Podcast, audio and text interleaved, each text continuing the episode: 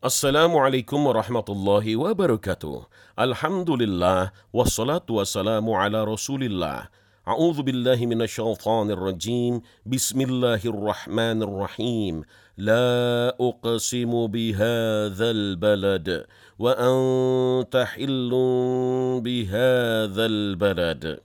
Aku bersumpah dengan negeri ini Mekah dan engkau Muhammad bertempat di negeri Mekah ini. Ini adalah sumpah Allah Subhanahu wa taala dengan menyebut kota Mekah yang disebut juga Ummul Qura, induk seluruh negeri. Kota Mekah adalah kota mulia yang aman lagi suci sebagaimana disebutkan dalam surat At-Tin ayat 3. Wahadzal baladil amin dan demi negeri Mekah yang aman ini. Mekah juga merupakan salah satu dari dua tanah suci. Rasulullah Shallallahu Alaihi Wasallam bersabda, sesungguhnya Nabi Ibrahim menjadikan kota Mekah sebagai kota haram dan sesungguhnya aku menjadikan Madinah sebagai kota yang haram juga. Hadis riwayat Muslim. Di antara keistimewaan dari kota Mekah yang tidak dimiliki oleh kota-kota yang lain adalah barang siapa yang berniat buruk di kota Mekah, maka terancam dengan azab yang pedih, bahkan ketika niat itu baru muncul di dalam hatinya. Disebutkan dalam firman Allah Ta'ala yang artinya, dan siapa saja yang bermaksud melakukan kejahatan secara zalim di dalamnya, niscaya akan kami rasakan kepadanya siksa yang pedih. Al-Quran Surah Al-Hajj ayat 25. Inilah salah satu kekhususan kota Mekah yang tidak terdapat pada kota-kota lainnya. Wa antahillun bihadzal balad. Dan engkau Muhammad diperbolehkan di negeri Mekah ini. Al-Hasan Al-Basri berkata, Allah menghalalkan Mekah kepada Nabi SAW hanya untuk beberapa saat di siang hari. Maka ayat ini sesuai dengan sabda Nabi, Sesungguhnya negeri ini Mekah diharamkan oleh Allah sejak penciptaan langit dan bumi. Negeri ini tetap haram dengan ketetapan Allah sampai hari kiamat. Pepohonannya tidak boleh ditebang dan rumput-rumputnya tidak boleh dicabut. Ia Mekah hanya dihalalkan bagiku beberapa saat di siang hari ini. Keharaman negeri ini pada hari ini telah kembali sebagaimana keharamannya kemarin. Ingatlah, hendaknya orang yang hadir menyampaikan kepada orang yang tidak hadir.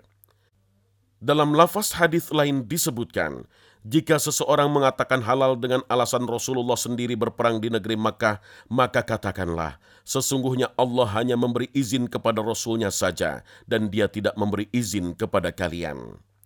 Ada juga tafsir lain dari ayat ini dengan makna lebih-lebih engkau berada di kota Mekah ini, sehingga Allah berhak bersumpah dengan kota Mekah. Sedangkan tafsir lainnya mengatakan bahwa dan engkau dihalalkan darahnya oleh orang-orang kafir Quraisy di kota Mekah ini, sehingga seakan-akan Allah bersumpah untuk mengingkarinya. Sebagaimana sayembara yang pernah dilakukan orang-orang kafir Quraisy bagi yang berhasil menangkap Nabi Muhammad atau Abu Bakar masing-masing akan diberi 100 ekor unta. Namun, pendapat yang terkuat adalah tafsir yang pertama, bahwa kota suci Mekah halal bagi Nabi Muhammad saat terjadi Fatu Mekah, penaklukan kota Mekah pada tahun 8 Hijriah. Kota Mekah yang awalnya diharamkan untuk menumpahkan darah, tapi pada hari itu dihalalkan untuk memerangi kaum kafir Quraisy. Karenanya, Nabi Shallallahu Alaihi Wasallam memerintahkan sahabatnya untuk membunuh Ibnu Khotol. Ibnu Khotol adalah seorang yang suka mengejek Nabi dan dia suka membuat syair-syair untuk menghina Nabi. Dia sempat masuk Islam tapi kemudian murtad bahkan membunuh seorang muslim. Seperti disebutkan dalam sirah Ibnu Ishaq, maka Nabi menyuruh sahabatnya untuk membunuhnya meskipun dia berlindung dengan memegang kain atau kiswah Ka'bah wa wa dan demi pertalian bapak dan anaknya. Yang dimaksud dengan bapak adalah Adam alaihissalam dan yang dimaksud dengan anak adalah keturunannya. Tapi ada yang menafsirkan yang dimaksudkan dengan ayat ini Nabi Ibrahim alaihissalam beserta keturunannya. Laqad khalaqnal insana fi kabad. Sungguh kami telah menciptakan manusia berada dalam susah payah. Lihatlah bagaimana manusia diciptakan dalam kepayahan. Tidakkah engkau memperhatikan bagaimana kelahirannya? dari setetes mani, kemudian menjadi segumpal darah, kemudian menjadi segumpal daging. Ibunya mengandungnya dalam susah payah, begitu pula ketika melahirkannya. Lalu ibunya menyusuinya juga dalam keadaan susah payah.